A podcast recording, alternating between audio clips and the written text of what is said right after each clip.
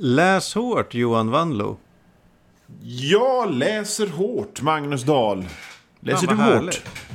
Jag läser ganska hårt. Alltså inte i denna sekund läser jag inte hårt. Nej, nej. nej, nej. Men eh, i princip fram till vi tryckte på räck. Så Fan vad bra.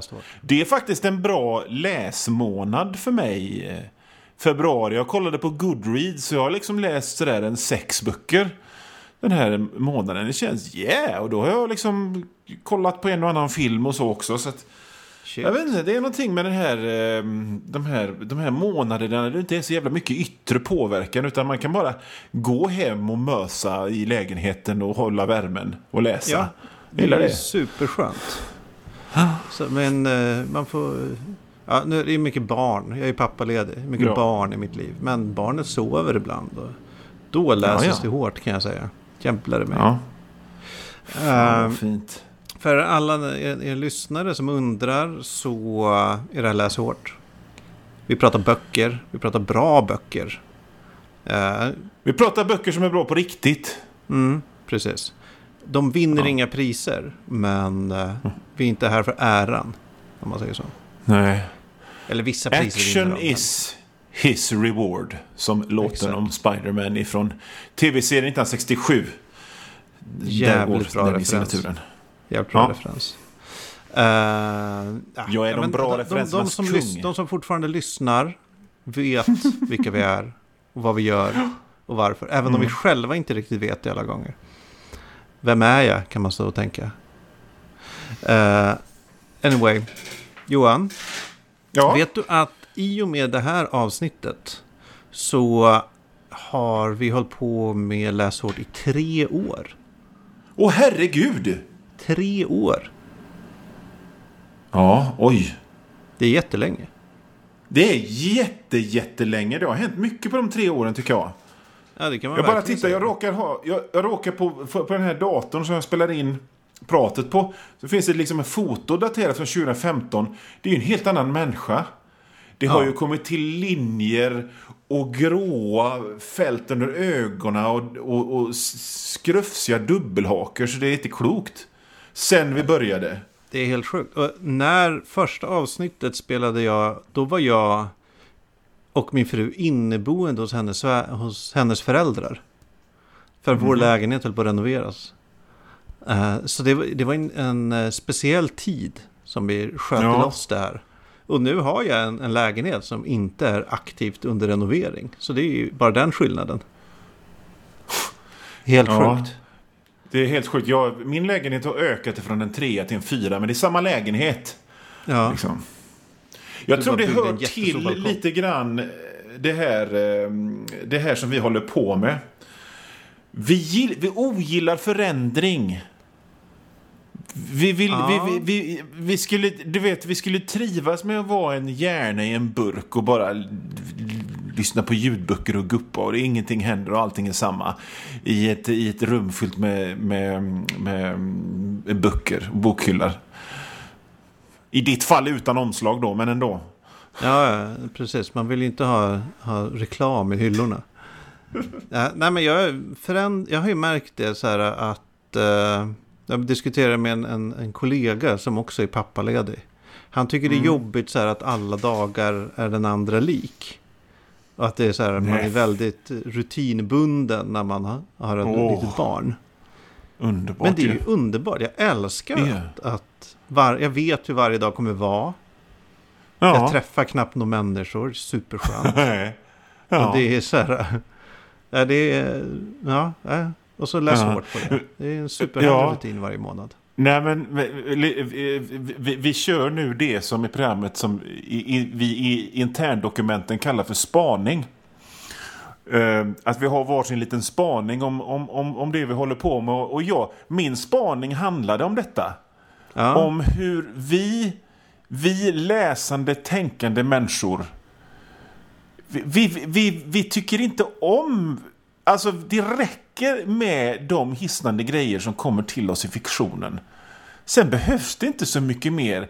Jag menar, jag är både konstnär, författare, mediaman och, och läsare. jag behöver, sen behöver jag fan inte något mer. Jag har samma fleecetröja på mig mellan april och oktober. Jag längtar aldrig efter att resa.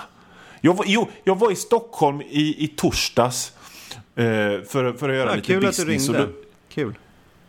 Ja, men jag var så upptagen. Jag var ju på, jag menar, jag var på det ena förlaget ena stunden och så var jag på DN nästa och sen var till, på en annan förlagsfest på kvällen. Jag hade verkligen inte tid va. Ja, det är så mycket. Det är så mycket att stå. Ja, det var så mycket. Men jag menar, jag tänker så gick jag över Västerbron mot Slussen, eh, alltså till söder och så Slussen. Det är, det är all yttre sånt jag behöver. Det, det räcker för mig i ett, i ett halvår det där. Liksom bara, åh, ljusen, fint.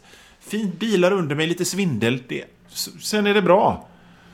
Alltså det, det bästa med att resa, det är ju Mm. att man får så mycket tid att läsa typ på flygplanet. Ja. Jag läser väldigt fokuserat när det är andra människor runt omkring mig. Ja, det är ju... Typ det är tåg. ju... eh, Ja, nu har, jag, nu har det blivit så här att jag jobbar alltid på tågen. Och, men, men jag menar, jag är lite flygrädd. Mm. Så att, så att just de böcker jag har läst på flygen har varit såna intensiva läsupplevelser. För det har varit en sån, nu gör jag det här för att inte ha panik. Ja, jag fattar. Så där, därför, därför så är liksom... Det, det fanns en bokserie som heter Young James Bond av Charlie Higson. Som handlar om liksom när, när, när den unge James Bond råkade ut för sådana här pojkboksäventyr eh, när han gick på Eton eller vad fan det var. Väldigt så här eh, ungdomsbok. Den första boken i den serien, Silverfin, den sitter för fan varenda ord in, implanterat i huvudet på mig. För att, för att den flygresan var så, så, så jävla obehaglig. Likadant Too Fast For Love av Jonas Inde och ehm, eh, Martin Kellerman sitter också för helt inbränt i lillhjärnan på mig. För att jag läste dem medan jag flög. Du får sammanställa eh, liksom, Johan Wandlås flygskräck-läslista. Ja, det får Den bästa, så här, skit i dyra terapitimmar. Här har du ett gäng böcker fixat. Precis. Mat och böcker löser det mesta. Ja, det är superbra. Uh, vad fan, ja, Okej, men eh, vi kommer ju komma till uh, avsnittets huvudnummer lite senare här i, Mm. i, i avsnittet. Såklart, eftersom det är samma avsnitt. Mm. Gud, jag är Ja. så förvirrad idag. Det har varit liksom fullt ställ med det här barnet fram tills alldeles nyss. Eh, nej, men men det- jag- har du liksom läst förstår. något annat än, än eh, det vi ska Du, jag funderade på det. Jag funderade på det, för som sagt, jag har ju sagt att det har varit en, en väldigt intensiv läsmånad. Mm. Februari hittills. Men jag funderar på, det är inte så mycket som man kan ta upp i, eh, i Läs hårt egentligen. För jag har läst så här böcker som har fått god kritik på kultursidor som All Inclusive av Hans Gunnarsson och både Glasmannen och Människor helt utan betydelse av Johan Kling. Okej. Och utöver det så har jag läst eh, två stycken James Bond-böcker, precis de som jag har pratat om innan, i samma serie. Och jag vet inte riktigt... Jag menar, jag är ju emot och publikfria och hålla på, men en biografi över Benny Hill kanske inte eh, läs hårt-publiken bryr sig så mycket om att jag har läst. Man vet aldrig vad de där för- människorna går igång på. Alltså. Alltså, ni som, eklektisk tyck- smak. ni, som, ni som går igång och vill höra mer om, om boken Funny Pecu- Peculiar om, om Benny Hill kan ju höra av sig till oss. Så då tänkte jag på så här att det, jag, jag har läst en graphic novel som heter Sabrina av Nick Drnaso. Som är ganska hypad. Mhm. Och den handlar om, ehm, den handlar om en kvinna, eller det handlar, inte, det handlar om en kvinnas anhöriga. Plötsligt en dag så försvinner hon fullkomligt utan spår. Och en eh, kille får då ta hand om den här kvinnans pojkvän. För han är ju naturligtvis helt förstörd och så flyttar han in hos honom. Och så blir, hamnar de på något sätt de blir utsatta för sån här Alex Jones nätkonspirationsteorier grejer. Så här, vad hände egentligen med Sabrina och bla bla bla bla bla bla bla mm. bla bla. Och, och som tecknare då så, så gillar ju jag att variera mig när jag ritar för annars blir det jävligt tråkigt. Men Nick Drnaso drar sig inte för att rita tråkiga grejer och dra ut dem. Så att det är ett evigt liksom puttrande i kök och liksom folk som drar sig fram i kontorslandskap. Men det är tecknat på ett sånt nästan supereffektivt, dels realistiskt men dels så otroligt förenklat. Så att det bara åker slurp in i ögat ändå. Det blir en ganska, det blir en ganska suggestiv effekt av det där.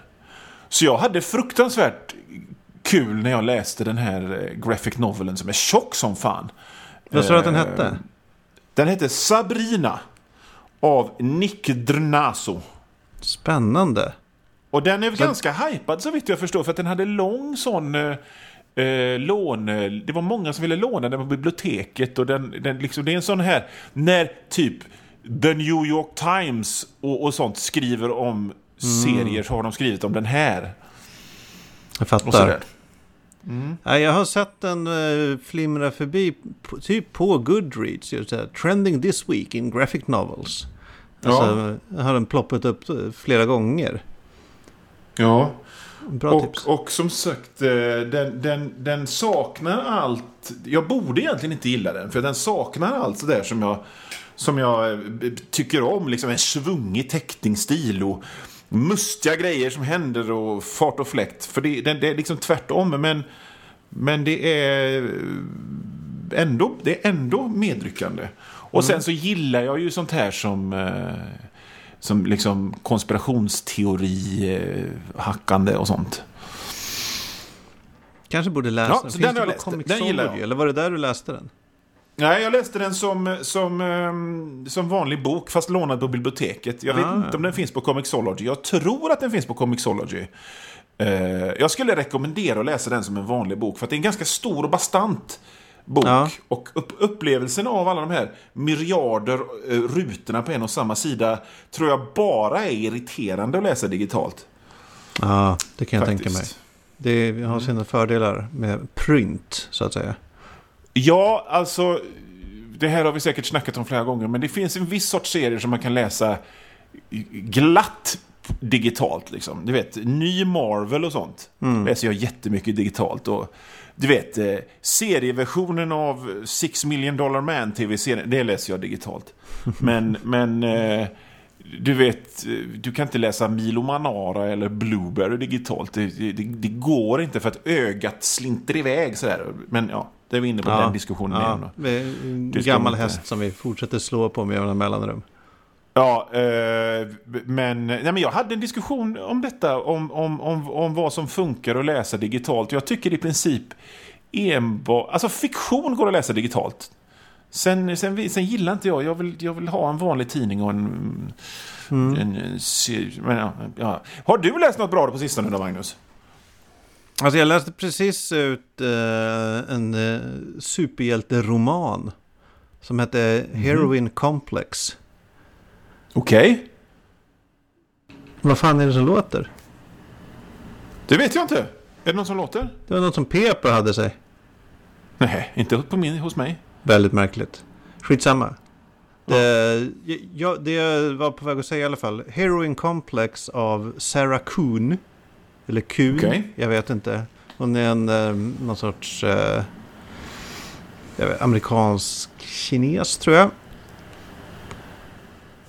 Alltså det, det är superhjälte-romaner. Alltså, alltså ja. romaner om superhjältar som inte är um, Marvel eller DC-adaptioner på något sätt.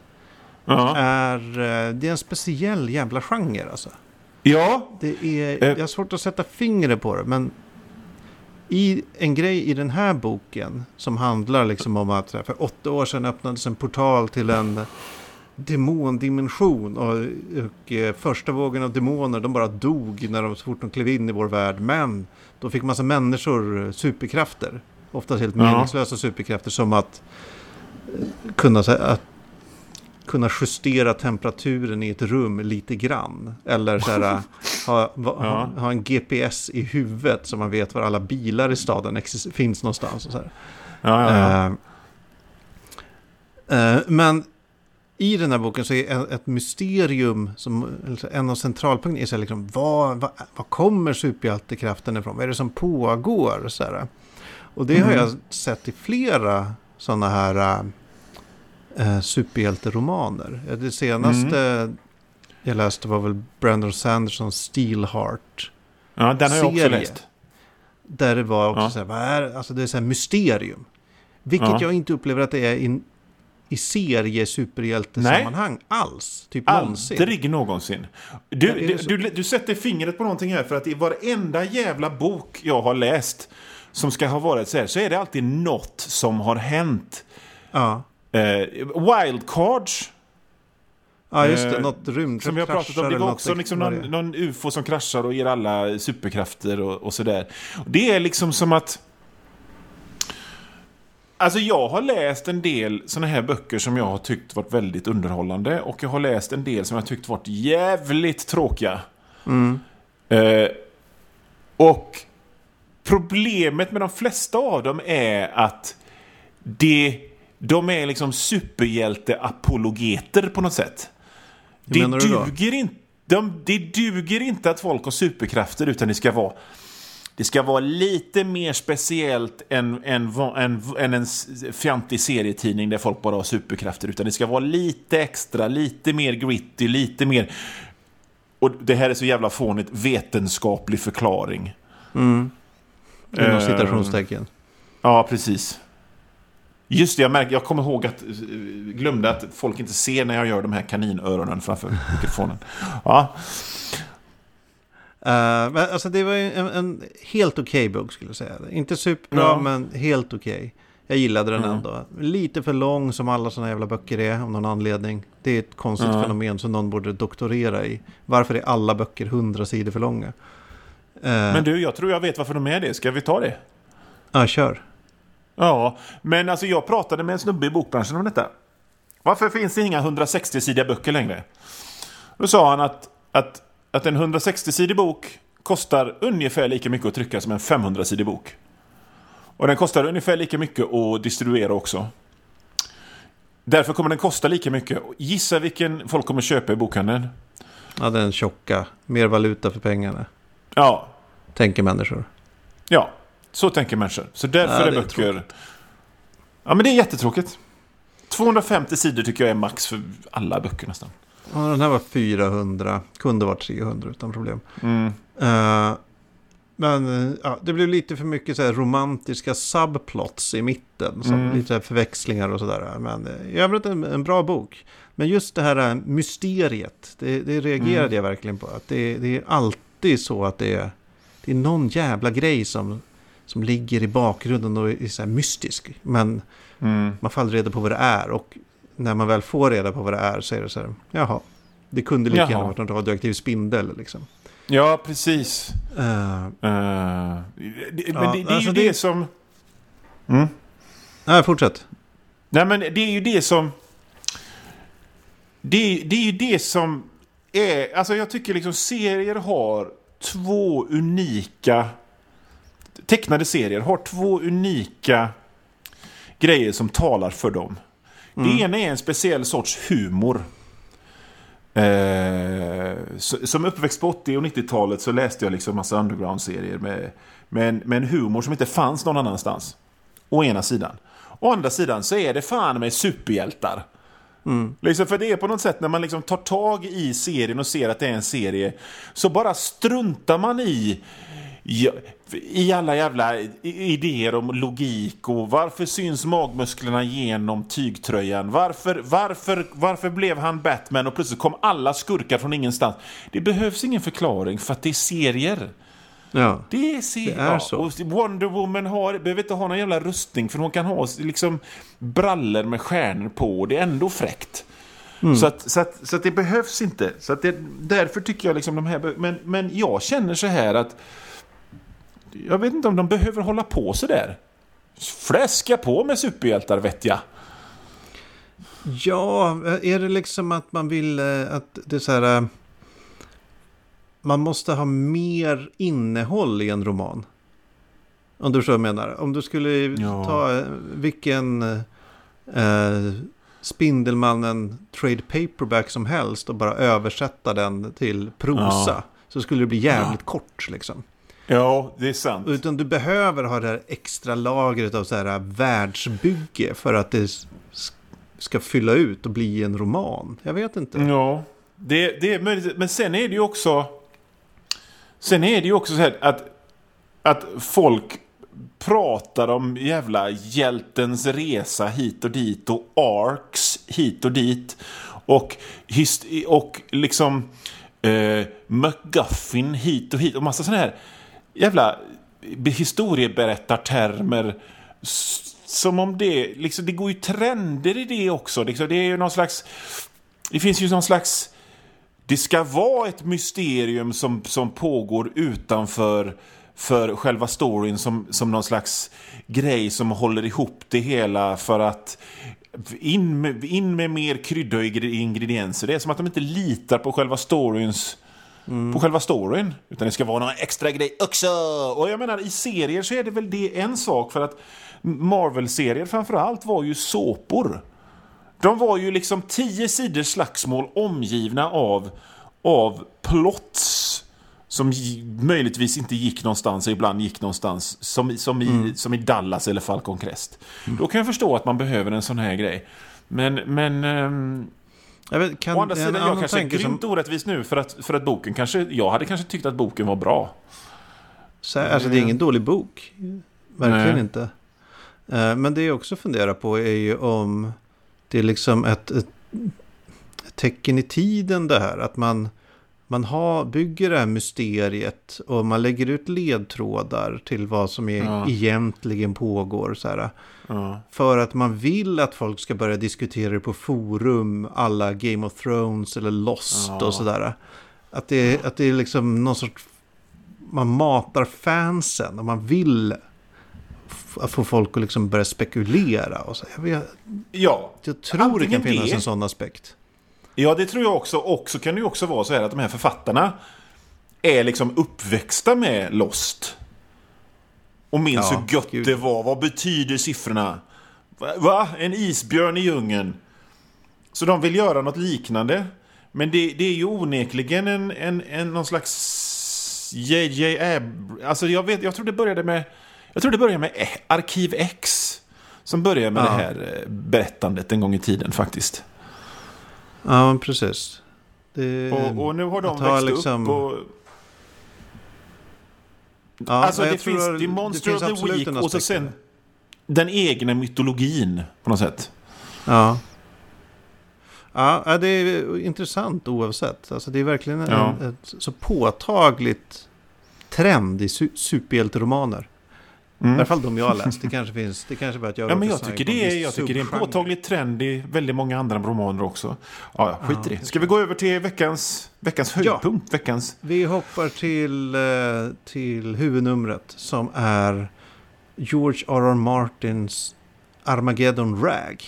Just det, det var jag som valde den. Jag läste en Ja. intervju, eller jag läste en, eh, en recension av den på internet någonstans och kände att jag kände instinktivt att jag ville läsa den här. Det var en eh, det var en sågning.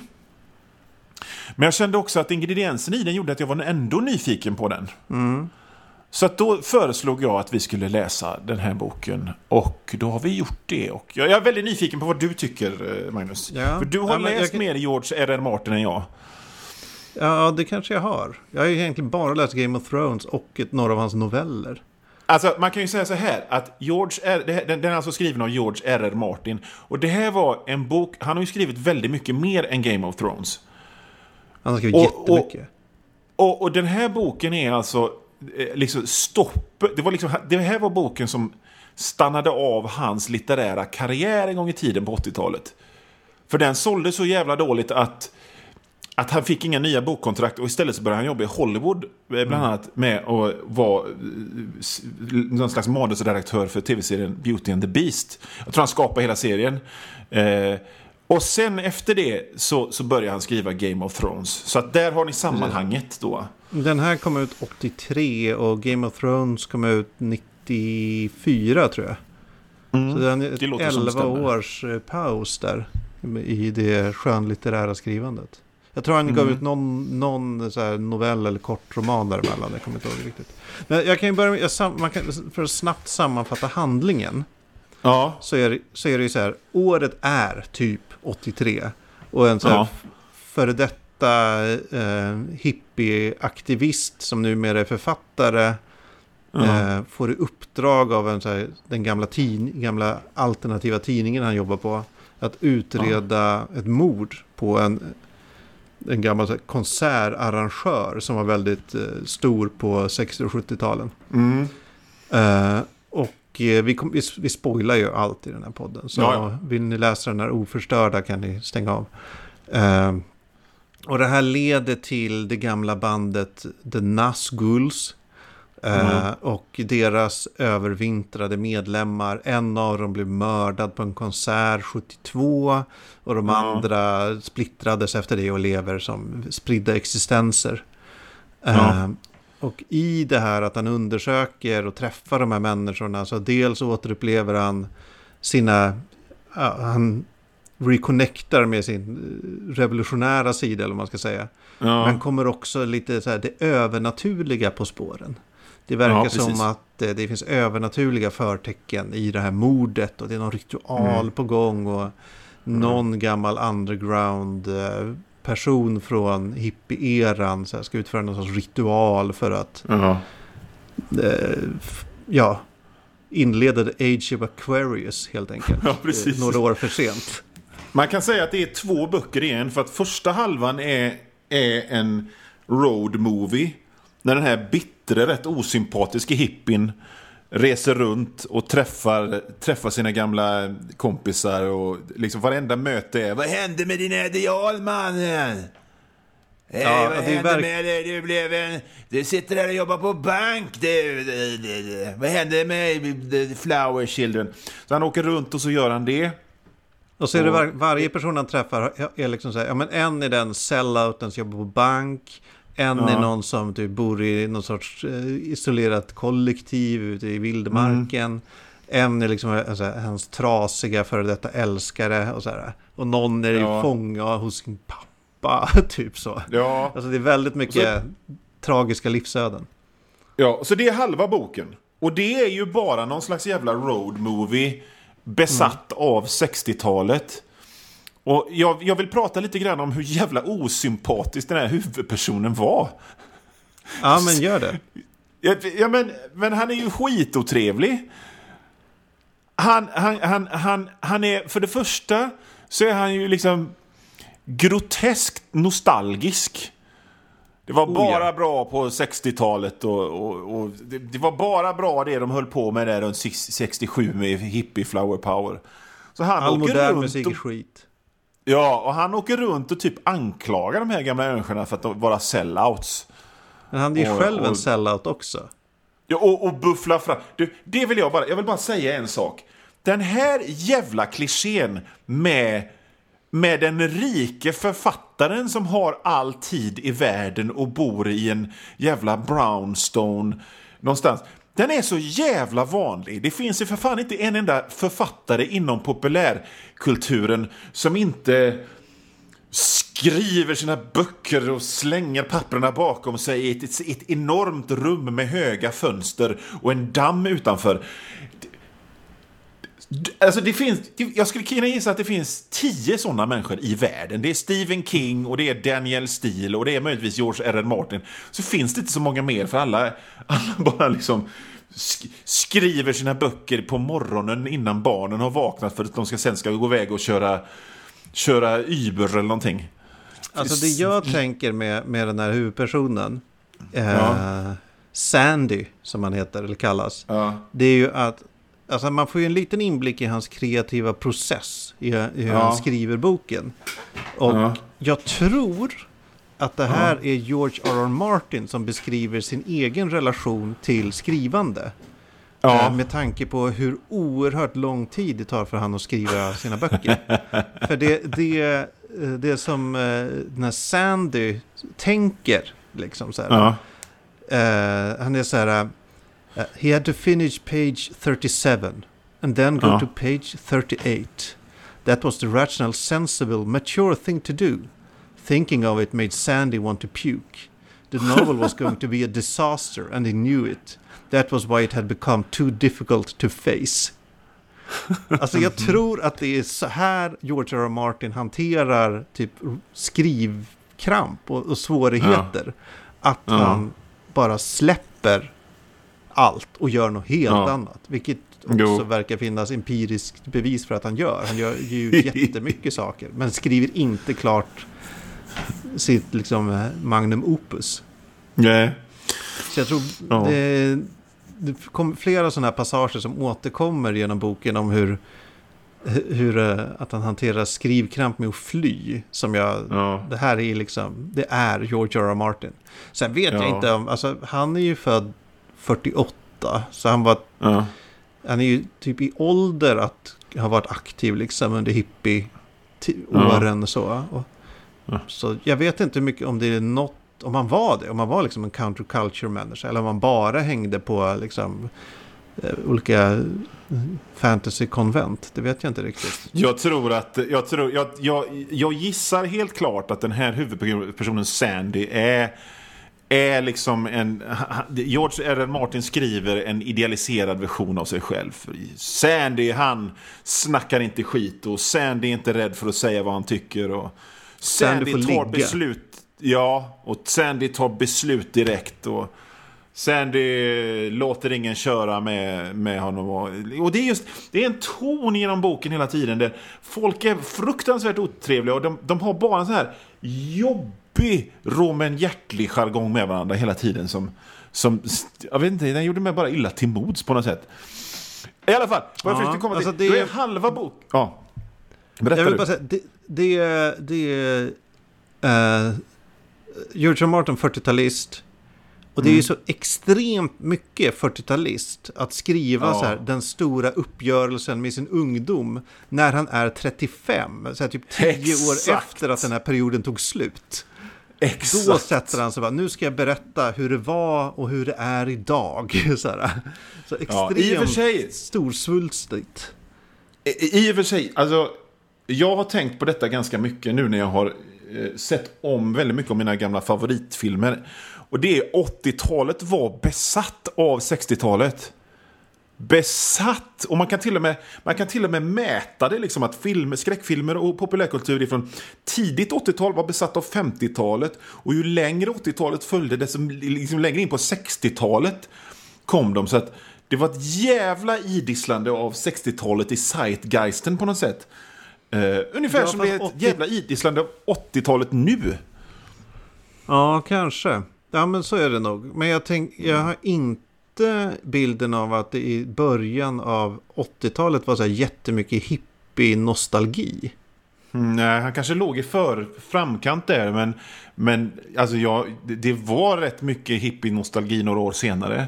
Han kanske Ja, var... kanske ja. Men i alla fall... Men du, så a- andra halvan av ja. boken.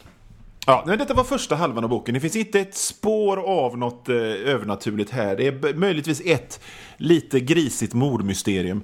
Sen när, sen är den boken över. Han, han kommer tillbaka hem och har, eh, och, och, och, och har hälsat på alla de här människorna.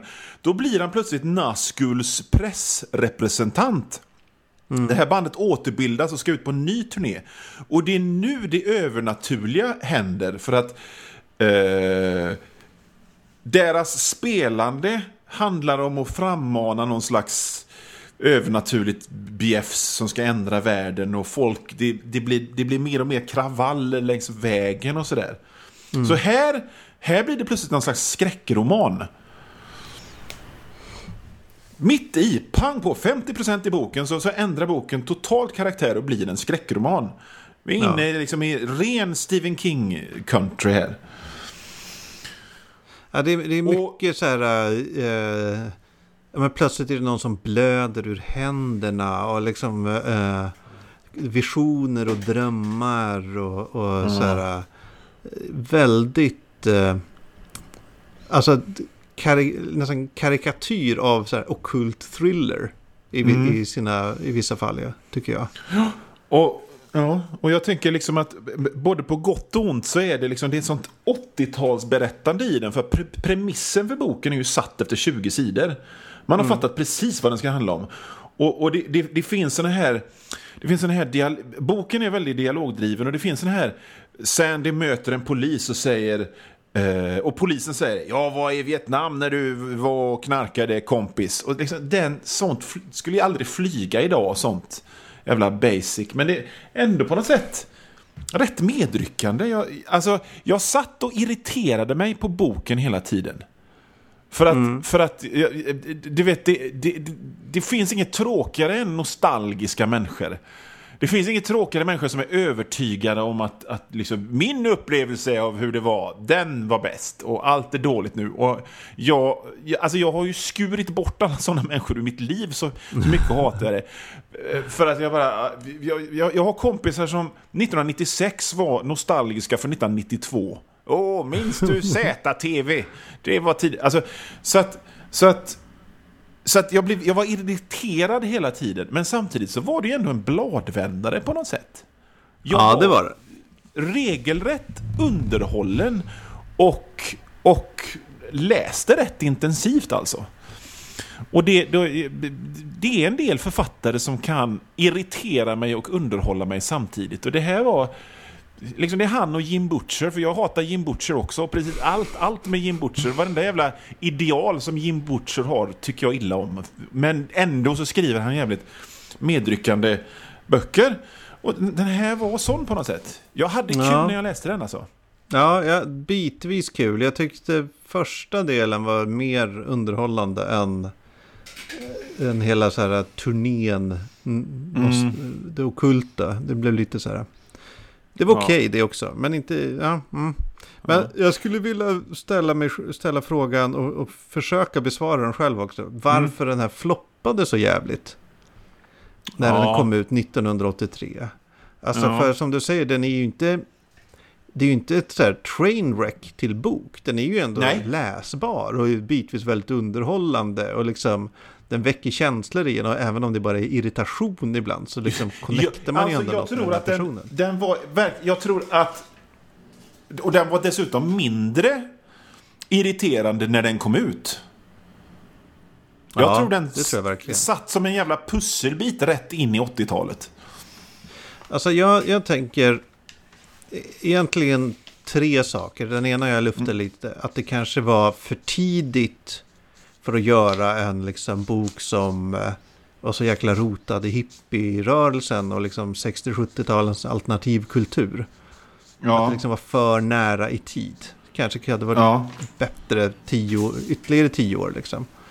Ja, eh, precis. Men om du säger att det liksom ändå var, om det var en så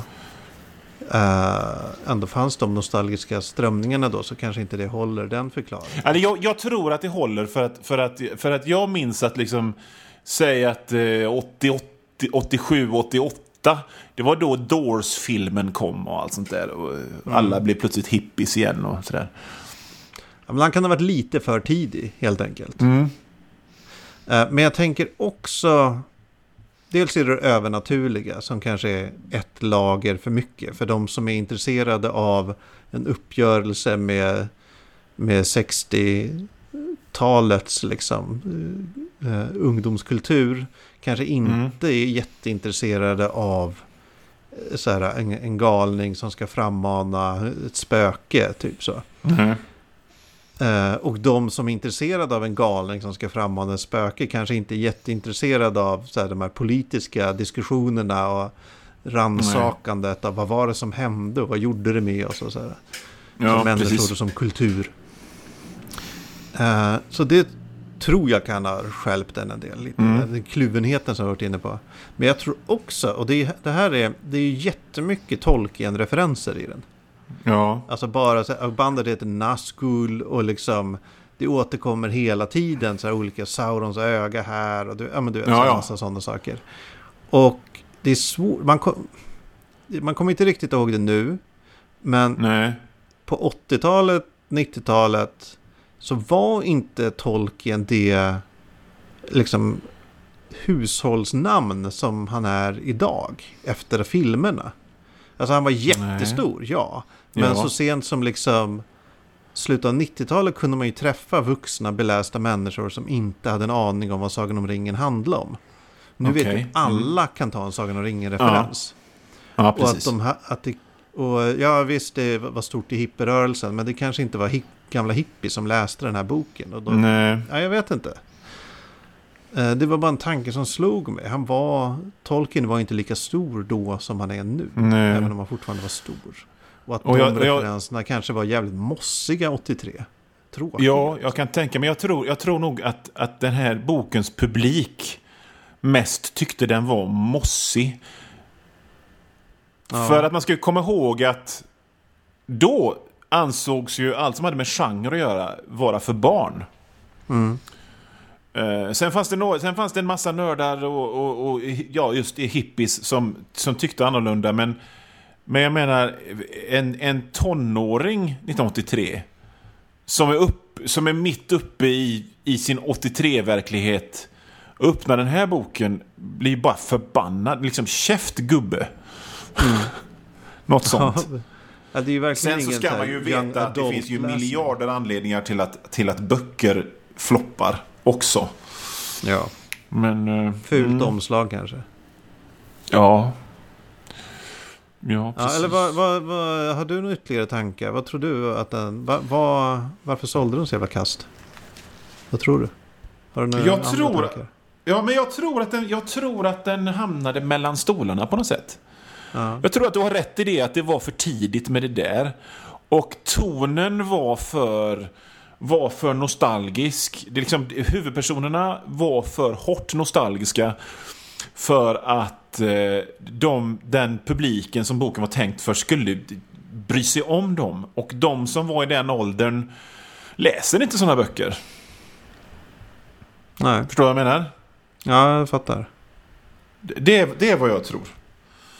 Eh, eh, eh, jag la ut en, en, fråga på Facebook om det var någon som hade läst i vår grupp. Om någon hade läst boken. Om de hade något eh, vi skulle ta upp. Och då mm. svarade Tom Kronhöffer eh, att vi borde ta upp varför boken inte har filmats. Och det fick mig att tänka på ytterligare en sak som kanske har, har gjort att den inte riktigt flög, boken. Okay. Nämligen att det är så jävla mycket musik i den. Ja. Och som bekant gör sig musik inte alltid bäst i liksom bokform. Nej, verkligen inte. Det är Utan mycket ibland gör sig musik bäst så att säga, i högtalare och sjungen med instrument och sådär. Ja. Och det är ju verkligen mycket musik och mycket beskrivningar av folk som sjunger och låttexter och konserter och sådär. Det är ju hela liksom, sidor med låttexter. Ja, verkligen upp och ner. Ja. Och där tänker jag mig att de momenten skulle ju verkligen mm. kunna flyga i en film eller tv-serie. Mm. Uh, det finns ju vissa så här jävligt, man kan, um, som när han träffar den här gitarristen som jobbar i en jävla pub. Och mm. sjunger coverband, en jävla coverband. Uh, och är jävligt sliten och nedgången. Och uh, vid något tillfälle då så provocerar han huvudpersonen då, den här gitarristen, till att ställa sig upp och köra liksom sitt paradnummer från Nazgul-tiden.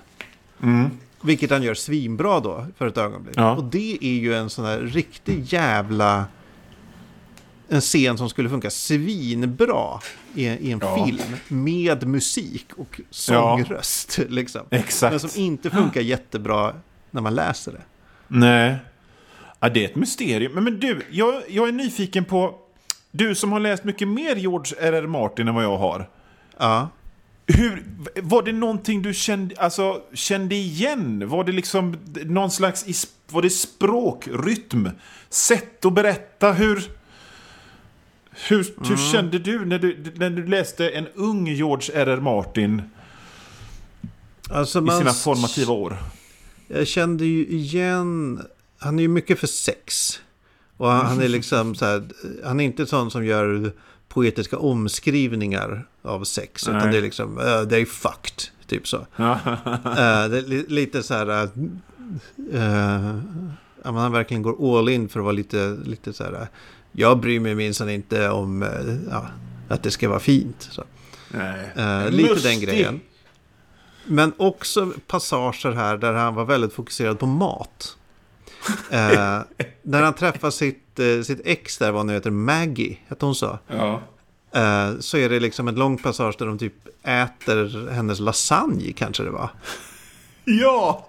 Och också att de, när han träffar... ehm, ehm, oh, jag kommer inte ihåg. Nazgul-medlemmen som drev en, en pub. eh, Ja. Som brann ner. Då åker de ju iväg och käkar. Och så finns det en passage där det beskrivs som de käkade typ. Just det. Och det här är, är ju jättemycket i Game of Thrones.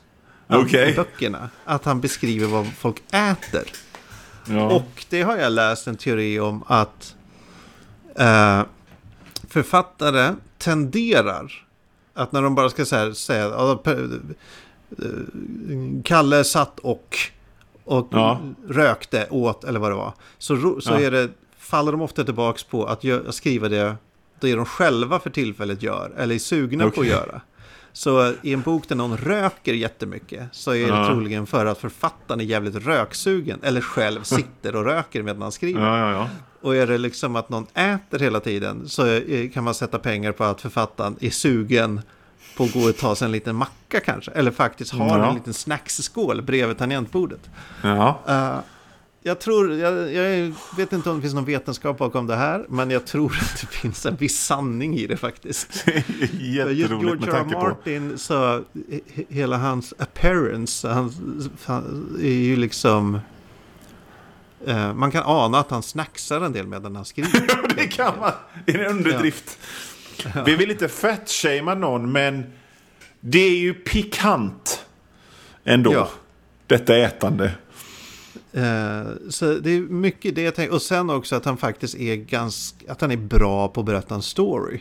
Ja. Eh, eh, alltså han är, han, han kan ber, han, han berättar skeenden på ett jävligt bra, effektivt sätt. Ja. Men har också en tendens att ibland snurra bort sig. ja. Typ eh, långa drömscener eller att ha, halva boken handlar om, om eh, en turné som ska frammana Satan. Typ så. ja, precis. Eh, Ja, att det, han liksom tappar just- lite fokus ibland på vad fan han vill göra. Ja, för att jag menar, det är ju, det är ju två långa drömscener. Som bara Ja. pågår och pågår och pågår och pågår, till exempel. Mm. Som är ganska likartade. Och, ehm, och sådär. Jag kommer att tänka på en annan bok.